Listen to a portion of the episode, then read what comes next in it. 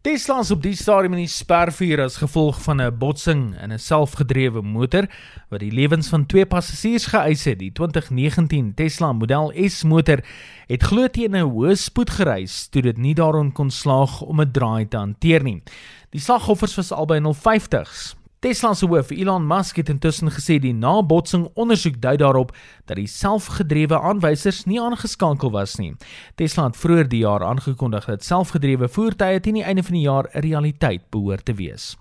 5G torings in afgeleë gebiede mag volgens die Britse reguleerders groter en sterker wees. Dat is ook die dekking van 5G data verbeter in afgeleë gebiede. In plaas van die 25 meter hoë regulasie mag die torings in afgeleë gebiede 30 meter hoog wees.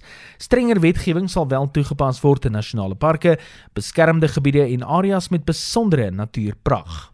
En Facebook het sy besluit dat werknemers van die huis af mag werk teruggetrek en sê dat dit nou iets van die verlede is. Die wat wel van die huis af wil werk, moet toestemming van die maatskappye verkry en uitsonderlike toestande bewys om verder van die huis af te kan werk.